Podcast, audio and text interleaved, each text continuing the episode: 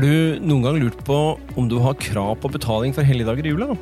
Krav på betaling, så tenker jeg lønn, eventuelt tillegg. Hva med de som må jobbe helligdager eller høytidsdager i jula? Hva har de krav på? Eller kanskje du er ved slutten av året og sitter igjen med feriedager og tenker at eh, de dagene vil jeg kanskje kjøpe ut. Kanskje jeg får noe penger hvis jeg sletter de ved årets slutt. Er det mulig? Er det lov? Eh, og ja Korona må vi ha med oss i dag òg. Det skjer jo stadig ting der. Pluss at vi har fått satser, takseringssatser, vi har fått firmabil, fri kost, losji-satser. Og vi har fått forskuddssatser for knyttet til diett og bilgodtgjørelse, passasjertillegg med mer for 2022. Alt det her skal vi ta for oss i denne episoden av Visma Software sin regelpod. Vi er, er kommet til uke 49. Og sammen med meg til å snakke om disse tingene i dag, Ivar Grøndal, Monica Bremtun og lyd styres av, som alltid, Vegard Øftaas. Han sitter i bakhånd, så vi kan få litt eh, hjelp til å si noe kanskje i dag. Det satser vi på. Vi gjør det. Kan vi få lurt den ut på. Ja, vi prøver. Men eh, jeg starter med Jula står jo for døra, og det er jo eh, La oss begynne med litt lønn og fri og tillegg for de som må møte på jobb i jula, Monica. Her kan du bringe litt klarhet i sakene, kan du ikke det? Ja, Vi kan jo kanskje begynne med å dele det opp i to forskjellige situasjoner. da. Den ene er de som jobber, og den andre er de som ikke jobber. Eh, og kanskje vi skal starte med de som ikke jobber. For Utgangspunktet her er at det er jo ikke noe lovfestet rett til lønn på disse dagene her. Ja, man må kanskje ta fri, men eh, det er ingen lov som går inn og gir oss rett til lønn på disse bevegelige hellige dagene i julen allikevel, da. Men mange har jo rett til lønn her allikevel. Eh, altså hvis du ikke får lov til å komme på jobb fordi det er en sånn bevegelig helligdag i julen, og så får du lønn allikevel, men da er jo det basert på en avtale, og ikke på at loven sier at du skal ha lønn på de dagene. Mm. Men vi må jo skille litt her også, fordi det er jo en aldri så liten forskjell på timelønna og månedslønna. Fordi når det gjelder månedslønna, så får man jo en sånn gjennomsnittlig månedslønn. Eh, uavhengig av hvor mange dager man er eller ikke er på jobb i utgangspunktet i den aktuelle måneden. Da. Og her er jo bevegelige helligdager er jo tatt inn i den beregningen. Så man reduserer jo som hovedregel ikke en, en månedslønn basert på at det er helligdager i en måned. Mens timelønna, der er det jo litt annerledes, for de skriver jo de timene de er på jobb, og får jo betalt for de timene de er på jobb. Og det vil jo si at De bevegelige helligdagene i julen når de ikke er på jobb, så skriver de ikke timer og har i utgangspunktet ikke rett på lønn. Mm. Men disse avtalene da, kommer ofte inn som er Det kan være en tariffavtale, det kan være en bedriftsintern avtale, det kan være en individuell fremforhandlet avtale som gir rett på lønn allikevel. Men det er altså avtalebasert hvis man skal ha den rettigheten, og ikke noe som er basert på lov. Ja, tenk, litt, ja, tenk, litt, på det der med månedslønn. Mm. Og så er alle så opptatt av liksom, hva slags eh, månedslønn er i forbindelse med jul. For det er så mange røde dager. Hvorfor er det ingen som spør skal jeg ha samme månedslønn i januar som i februar? Det er jo tre dager mer i januar enn i februar, og så får du samme lønn, da. Ja, der har du et poeng der òg. Jeg har ikke det. Men dette her belyser jo helt generelt forskjellen mellom det å være månedslønna, ha en snittlønn, gitt beløp per måned som du har krav på, helt uavhengig av hvor mange dager det er i måneden, eller hvor mange høytids- helligdager det er i måneden, så får du det beløpet. Og ikke sånn. sånn at eh, om virksomheten er oppe og driver virksomhet eller ikke, det er jo da arbeidsgivers eh, parentes risiko. For jeg må lønne med samme beløpet uansett. Mens en ansatt som da har en avtale om timelønn, og da i betydningen at man må jobbe en time for å få betalt en time, så flyttes jo den risikoen over på den ansatte. Og det er jo det som også skjer i jula, ikke sant? Fordi da kan man per def si at du jobber ikke første juledag, hvis det er en arbeidsdag for deg utenom jul, hvis det er en mandag eksempel. Ja, så eh, får du heller ikke betalt, fordi virksomheten holder stengt. Så det er jo en bra prinsipiell forskjell mellom det, hvordan man avtaler avlønning med en ansatt. I år så er det jo ikke så mange som er berørt av det som det kan være, da, i og med at eh, vi vi får disse bevegelige helligdagene, og ja. det kommer jo på lørdag og søndag. Eh, og det er jo selvfølgelig de som jobber på lørdag og søndag også som vil være berørt, men det er jo i mye mindre grad da, hvis disse bevegelige helligdagene f.eks. hadde falt på en tirsdag og onsdag. Mm. Eh, så vi ser det er jo færre um, som, er, som, berøres nå enn det det kan være i andre år. For dette her varierer jo fra år til år, avhengig av når disse dagene faller da, i løpet av uka. Det er derfor de kaller de bevegelige helligdager. -hmm. Helt riktig. Eh, kan, kan, kan jeg få bare skyte en sånn lite spørsmål her? Eh, Da kan dere velge hvem som vil svare. Uh, Er det noen forskjell på julaften kontra første dag? Altså første juledag? Ja, det er det. Julaften og nyttårsaften, for å ta begge de to, som liksom er de store dagene for oss sånn sett, det er jo en vanlig arbeidsdag per def i forhold til dette her. Mm. Så det er ikke definert som en høytidsdag eller helligdag. Nå er det regler i arbeidstidskapitlet hvor lenge man kan drive virksomhet og sånn, men det er liksom litt på siden. Men eh, Det er ikke, altså, julaften er ikke en rød dag, not. og ikke nyttårsaften heller. Nei. Det er litt spesielt. Ja, godt poeng. Smart. Så, men arbeidsmiljøloven, som har regler om dette her med arbeidstid og, og, og den biten, har jo heller ikke noe lønnstilleggregulering knytta til høytid og helligdager. Altså, man finner jo ikke en døyt om det der, bortsett fra det eneste som finnes av kroner der og, og tillegg til den timelønna man har. Det er jo overtidsreglene. Som det til 40 For det er jo på en måte det andre spørsmålet vi ofte får. Både på jobb og privat, egentlig. Du, Søsteren min hun skal jobbe nå på første juledag. Hvor mye tillegg er det egentlig hun får? Og i år så havner det på helg, og så skal hun jobbe natt. og så, Da får hun vel masse tillegg, gjør hun ikke det? Og det er jo ikke regulert i loven. For det er jo på en måte den andre delen av det her. Det er jo de som faktisk er på jobb. For det er ganske mange i Norge som må være på jobb også på de dagene her. Vi har de som er på sykehus, det kan være um, politi, brannvesen, de som sørger for transport, sånn som buss og lokomotiv og den type ting. De, de må jo være på jobb også på de dagene her. Mm. Da er jo spørsmålet, akkurat som du sa, dette her med tillegg. Og det var jo bra sagt her at det er arbeidstiden, da som er på en måte det som er definert i arbeidsmiljøloven. Tillegg er som den store hovedregelen ikke definert inn i arbeidsmiljøloven, med det ene unntaket som er overtidstillegget. Men ofte, hvis man jobber på disse dagene her, så er det jo ikke overtid, men en del av en fast på en måte, arbeidsplan. Og da snakker man jo ikke om overtid, for er det overtidsarbeid, så har man selvfølgelig krav på overtidstillegg etter arbeidsmiljøloven. Men hvis det er bare en arbeidsdag som kommer inn i arbeidsplanen din, og du er så uheldig at den havner på disse dagene her, så er i loven gir ingen svar på hva du skal ha i tillegg. Du har ikke krav på noe ekstra etter arbeidsmiljøloven eller øvrige typer lover for å jobbe disse dagene her. Men de aller fleste får det jo allikevel, og hvorfor får de det? Jo, det er fordi det er regulert i en avtale. Så tillegg, eh, om det er helligdag, om det er natt, om det er kveld, altså det er ikke regulert i loven. Så det vil være opp til avtale. Kjempebra, Monica. Da har vi fått avklart det, føler jeg. Nå har vi eh, litt kontroll på det, de aller fleste, i forhold til hvordan dette her er nå, når vi nærmer oss uh, julestria. Um, skal vi gå videre, da? Det skjer jo en del på um, koronafronten nå. Vi får bare nevne det helt, helt kort. Um, her kommer det jo helt sikkert flere tiltak nå. Når vi spiller inn dette her, så er det jo kommet så noen forslag, er det vel riktig å si, PT. Eh, Men det er vel rett rundt hjørnet at vi får eh, nye tiltak knyttet til koronasituasjonen, sånn som eh, smittetrenden er i øyeblikket. Men når det gjelder arbeidstakers egen sykdom og koronarelatert fravær, så kom de jo 2. desember med mm, et forslag om å gjeninnføre en slags refusjonsordning for arbeidsgiver, der arbeidstakeren da har koronarelatert sykefravær. Og Det innebærer jo, det skiller seg litt fra det forrige varianten vi hadde. Nå er det jo 16 kalenderdager vanlig arbeidsgiverperiode per i dag. Men tidligere i høst så hadde vi, hadde vi jo en variant med tre dager, og så fikk man refundert fra kalenderdag fire og ut arbeidsgiverperioden. Det forslaget som nå er satt frem, det innebærer at arbeidsgiver skal dekke de fem første dagene ved koronarelatert sykefravær, og kan søke da refusjon fra dag seks og ut av arbeidsgiverperioden. Og vi antar fortsatt at det er kalenderdager, altså fem kalenderdager. Ja, det gjør vi. Så det er det som ligger på bordet. Så får vi se hva som blir eh, på en måte ordningen når dette vedtas. Og det er antagelig rett rundt hjørnet. Og da kommer det også kanskje et eget skjema for refusjon, som man vil finne på nav.no.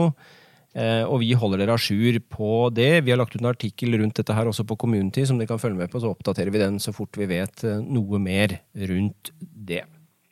Ja, vi regner med at det kommer til å komme flere ting her òg. Vi tenker at på nyåret så blir vel kanskje den første regelpodden, i hvert fall en av de første, blir vel eh, om temaet covid og hva, hva skjer i 2022. Fordi vi Mm. regner med at det kommer øvrige ting. Dette med omsorgspenger f.eks. varer i utgangspunktet kun ut året. Eh, Men smittesituasjonen som man er nå, da, tilsier vel at det muligens kommer noen nye tiltak her. Så stay tuned. Men skal vi se litt på ferie, kanskje? da? Hvis vi skal hoppe over til litt sånn hyggeligere tema, så kan vi vel snakke kanskje litt om ferie. For det er det jo mange spørsmål om for tiden. Nå som vi nærmer oss årets slutt, så er det jo mange som sitter igjen med, med feriedager og spørsmål om hvordan skal dette håndteres. Er det noen mulighet f.eks. til å kjøpe ut feriedager ved årets slutt, så man slipper å overføre feriedager? Mm. Det var et spørsmål vi får stadig vekk. Godt spørsmål. ja, eh, og der er det jo sånn at eh, hvis vi starter i ferieloven, da, se på den først. Eh, og så skal vi knytte to kommentarer til dette med avtalefestede feriedager etterpå. Men vi, la oss begynne i ferieloven. Der er det jo sånn at den skal avvikles hvert år. Det følger jo av ferielovens fem nummer én, og det er arbeids- og fem nummer to for de over 60 år. Og det er arbeidsgivers ansvar å sørge for at dette skjer. Det er liksom hovedregelen. Ferie skal tas i ferieåret. Så kan det være, som du er inne på, Monica, nå, at man ikke ønsker å ta ut all ferien av ulike grunner. Eh, og da fins det én mulighet, og én mulighet. Det gjelder, eh, og Stikkord er jo de arbeidstakere vi snakker om ofte som er benevnt i ferielovens fem nummer fem som de uten full opptjening av feriepenger. Og det er kun de som i utgangspunktet har denne muligheten til å nekte da, eller kan motsette seg å avvikle feriefritid etter ferieloven. Eh, og denne ikke full opptjening, det er jo et uh, artig begrep uh, som uh, kan være litt forvirrende noen ganger. Men det man tenker på, er jo feriepengene totalt opptjent fra opptjeningsåret. Altså nå er vi i 2021, som er ferieåret. og 2020 vil jo da være opptjeningsåret for feriepenger.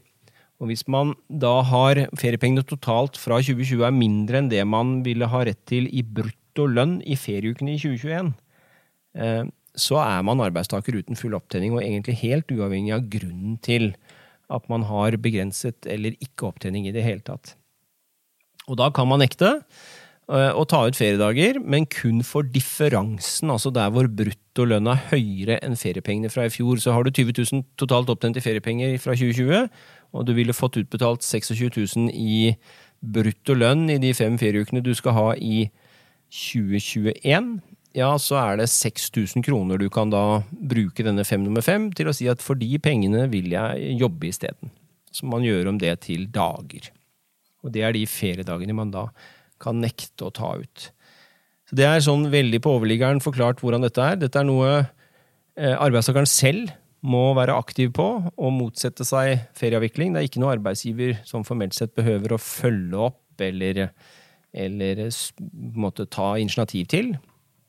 Selv om vi kanskje anbefaler at arbeidsgivere gjør det, og avklarer i forbindelse med feriefastsetting og ferieplanlegging om en arbeidstaker som er i den situasjonen, tenker at man skal ha full ferie eller ikke. Fordi man har jo krav på full ferie, uavhengig av pengene. Så det er kun en rettighet du har til å motsette deg dette her. Det er kanskje greit å påpeke her, da, at selv om begge partene egentlig vil, selv om både arbeidsgiver og arbeidstaker vil slette, og de begge er egentlig enige om at de vil slette, så er det fortsatt ikke lov. Helt riktig. Det er det ikke. Da vil vi lage dårligere ordninger enn ferieloven sier, og da er vi jo i strid med ferieloven, så det kan vi ikke gjøre. Så, så det, må et, det må være et faktisk grunnlag bak i forhold til at man er, har begrenset opptjening av feriepenger. Og typiske situasjoner som gir det, det kjenner vi jo alle. Langtids sykefravær, noen har vært permittert i forbindelse med korona for eksempel, og har begrenset opptjening av feriepenger eh, fra i fjor. Det kan være at du endrer stilling, går opp i lønn f.eks. Altså, det er en rekke årsaker til at en ansatt kan havne i en situasjon her hvor man har eh, begrenset opptjening av feriepenger. Men det er i utgangspunktet knekkende likegyldig eh, hva som er grunnen for det. Det er feriepengene totalt opp mot brutto lønn i ferieukene som er regnestykket man skal gjøre. Helt rett og slett eh, skjær eh, rein eh, matematikk. Jepp. Det kan du. Enkelt og greit. Ja. Og det gjelder også deg, Ivar. For de over 60 år kan det òg være en issue. Ja, det er det jo. Ja, ja, ja. ja, For de som tjener godt, da. Ja. Uh, må du legge til, og så har du en begrensning på 6G. Mm. Så kan det jo hende at én uh, uke 2,3 feriepenger er vesentlig lavere enn én ukes lønn. Det er jo for de som tjener godt, da. Ja. Så det gjelder vel ikke det deg. Alle. Nei, meg, nei. Ja. Akkurat. Nei, sånn kan eller, det òg sies. Ja, eller ja. Du nærmer vel 60, så da er vel deg dette her vil berøre, tenker jeg. artig, artig. Så det er vel ett unntak vi må nevne, og det er jo for de som har eh, fellesferie. Eh, som mange kjenner til, så på en måte da hjelper det ikke å være, ha liten opptenning av feriepenger. Da må den fellesferien gå i sin gang. Uansett om en arbeidstaker har begrenset opptjening. Sånn at fellesferieordninger de trumfer på en måte dette rettigheten arbeidstakeren her. her. Og Det er ikke sånn at hele virksomheten må innstilles i fellesferie, men det kan være en avdeling eller deler av driften som stanser, som berører denne ansatte i så fall. Ehm, så det er, ehm, det er vel clouet med det når det gjelder ferielovens dager, tenker jeg. Så kan vi jo ta for oss disse avtalefestede feriedagene òg, som eh, vi har i norsk arbeidsliv. Eh, og der gjelder jo utgangspunktet ikke ferielovens bestemmelser, så da må man jo titte litt i avtalen og se om det er regulert noe om dette her. Og hvis ikke, så er det jo da Der kan man jo avtale, så lenge avtalen på en måte ikke eh, stenger for det. Men At, eh, der, eh, der var du inne på noe, jeg må bare bryte inn, fordi Ja, ja. da sa du 'og hvis ikke'. Altså, hva hvis det ikke står noen ting da i avtalen? Ja, Og så sier arbeidsgiver du, jeg har behov for at du skal jobbe, så de der fire dagene, de stryker vi. Ja. Og det kan vi gjøre, for det står ikke noe om det i verken avtale eller ferielov. Eller motsatt. Ja. Jeg tenker at akkurat det å stryke de vil nok være ofte utenfor, men dette her med at man kanskje kan eh, dytte dit neste år, eller hvis man ikke har regulert eller har noe praksis på dette her, så må det jo være litt opp til arbeidsgivers styringsrett da, å styre hvordan man gjør det, eh, tenker jeg som et utgangspunkt, og dermed beslutte hvordan det skal være. Eh, Så, men eh, dette er jo regulert i de store tariffområdene, sånn som KS, altså eh, LO-NHO-området, for staten, tariffavtalene der, så har man jo vist til ferielovens fem nummer fem og sier at for de avtalefeste dagene så skal vi følge samme regler i all hovedsak. Og det betyr jo at da blir ingen endring. Men vi, vi ser jo det at det er veldig mange innenfor det private som, som har gått inn på, uten å ha noen tariffavtale, og ha fem uker ferie. Eh, og vi ser vel at veldig mange av de ikke har noe avtale som regulerer akkurat det her. Så sånn sett kan det kanskje være smart å tenke hm, vi bør kanskje skrive litt ekstra i personalhåndboka vår. Ja, det tenker jeg kan være informativt å gjøre. sånn At man har det på stell, og, og de ansatte også er litt klar over hvordan dette er. Eh, Og så er det jo da sånn, hvis man ikke har regulert noe sted, at det er mye større fleksibilitet enn det det er etter ferieloven. Da kan man faktisk bli enige om å kanskje slette de, kjøpe de ut ved årets slutt, eller kanskje overføre de i tillegg til ferielovens dager. Men at det står noe i, eksempel i personalhåndbok, så de ansatte veit hva de har å forholde seg til, det er i hvert fall jeg en tilhenger av. Det er eh, jeg òg. Så mm, gjør det. Det er ikke noe bedre enn tydelighet rundt sånne ting. Det var, eh, det var det vi trenger å si om det, tenker jeg. Hva skal vi, skal vi flytte oss over, da, Ivar, til litt sånn lønn, skatt og takseringsregler og forskuddssatser, og der har det kommet noe nytt nå? Det har det. Uh, skal vi ta takseringssatsene først, da, kanskje? Ja, det gjør vi. Vi har jo snakka om hjemmekontor, mange som har hjemmekontor. 1850 kroner som er sånn hjemmekontorgodtgjørelse, skattefri når du har eget værelse. Dette har vi snakka om før. Eh, og nå eh, har jo satsen for eh, 2021, altså for det året her, inneværende år, kommet, og det er 850. Så altså ingen endring. Så de som eh, hadde tenkt å gi 850 skattefritt, det er akkurat den satsen som også er skattefri i år. Ja. Eh, Så kan vi ta med at eh, kost- og losjisatsen er lagt ut. Da er vi over på naturalytelser. Og for å trekke fram én sats, liksom her snakker vi om at det har gått opp ei krone eller sånt Mm. Men for de som for eksempel har gratis lunsj på jobb, da, eh, så var satsen, altså den skattemessige satsen var 48 kroner et måltid i, i, i, i fjor. Nei, i år, mener jeg. Eh, Og for neste år, 2022, så er satsen 49. Du verden. Altså én krone opp per, per dag. Så, men det blir noen kroner i løpet av et år, da, hvis det har det. Absolutt. Så kan vi ta med oss uh, firmabil. Der er jo det knekkpunktet for hva det regnes 30 av. Eh, gått opp med en 3-4% så det, det var 325 400. Uh, Jeg måtte se etter, for jeg husker jo ikke det. For neste år så er det 329 600. Altså 329 600. Opp dit er det 30% og overskytende 20. Dette ligger jo sjølsagt i vår lønnssystem automatisk. Ja. Men uh, det blir eh, eh, 30 kroner eh, mer per måned for de som da har bil med listepris så høyt. da. Det er det vi snakker om i kostnad. Eh, og så må vi ta med en ting for elbil. Der har det vært litt fram og tilbake. I utgangspunktet så var jo forslaget at eh, elbil ikke skulle ha noe unntak lenger. At det skulle være ordinær listepris. Og, eh, så kom det jo nå eh, i eh, eh, forslaget eh, som er forhandla fram med SV, at eh, nei, 80% er listepris. Altså du får en, en eh, Reduksjon. reduksjon på 20 mm. Så da var vi inne på at det kom til å kunne skje. Eh, og det har skjedd. Så elbil er altså 80 av eh, listepris. Det var jo 60 i fjor. Mm. Så det går den gærne veien her for de som har elbil. Ja. Men det er fortsatt eh, gunstig å ha det, da, som firmabil allikevel. Et lite insentiv der for å fortsette litt til. Ja, ikke sant. Ja. Eh, og så er det noen som har vært inne på skatteetaten sine sider og sett at der står det at eh, elbil eh, ikke har eh, en reduksjon. altså Særreglene for elbil gjelder ikke 2022. Det er en eller annen eh, i SKD som har vært litt for kjapp på å skrive på tastaturet. Så den, den setningen blir nok fjerna, eller i hvert fall endra. Veldig bra. Uh, yrkesbiler, der er det ingen endring. Uh, der er det 340 for de som da har kjørebok. Ellers er jo også uh, det er listepris på samme måten som ordinære firmabiler, og det blir litt grann dyrere. Så kan vi ta med oss bilgodtgjørelse eller kjøregodtgjørelse. Nå snakker vi altså om de trekkfrie grensene. Eh, Fordi særavtalen i staten de forhandler jo enda, så vi er litt spent på hva det blir. Men det er ingen endring når det gjelder kjøregodtgjørelse. Altså bilgodtgjørelse fortsatt 350 som er den trekkfrie grensen.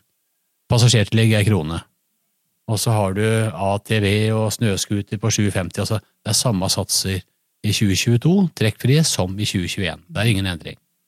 Eh, skal vi ta med oss dagdiett, eller diettsats nå? Ja, gjør det. Ja, er Dagdiett, hva tror du det er der? Ja, ja, ja, ja. Skal jeg ta det, ja? ja. du, skal ikke, du vil ikke prøve det heller? Nei. Vegard?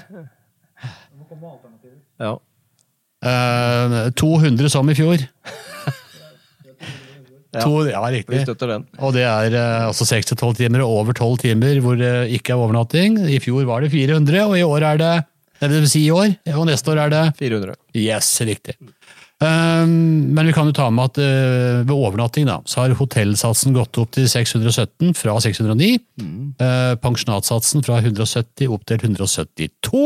Oi. Og så er det for de som da bor privat eller på hybel brakke med kokemulighet, som det heter, så er det økt fra 94 til hele 95 kroner skattefri. Så en krone ekstra. Det var uh, nyhetene på satser. Uh, og så får vi bare gå spent og vente på særavtalene på reiser i staten. Uh, hva som kommer der. Der er det varsla litt endringer der òg. Vi håper at de blir enige med om en avtale først, i hvert fall. Som i utgangspunktet da skal gjelde fra 1. januar. Men vi kommer selvsagt tilbake Ja, det gjør det. enten siste regelpodden om 14 dager, yep. eller den første neste år med store nyheter på reiseregulativene. Veldig bra. Vi får se. Vi skal jo avslutte året, og det er jo om 14 dager, så vi må ha en sånn eh, liten regel på da, så vi tar for oss litt hva skjer fra 1.1. blant annet, eh, 2022, og se litt eh, grann på eh, sikkert også nye tiltak knyttet til korona, eh, som, eh, som da er vedtatt, antar vi. Så det er bare å tune inn eh, om eh, 14 dager. Og da blir det møte i studio med nisselue og full pakke, tenker jeg. Pepperkaker og gløgg. Ja, ja, ja. Vegard skal ha med juletre, så det blir veldig koselig. Ja.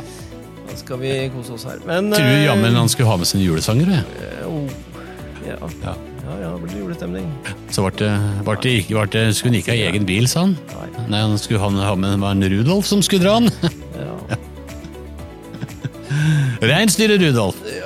Med det så tenker jeg vi eh, sier eh, hjertelig takk for god informasjon fra Ivar Grøndal, Monica Bremtun, og ikke minst eh, Undertegnede Lønneid.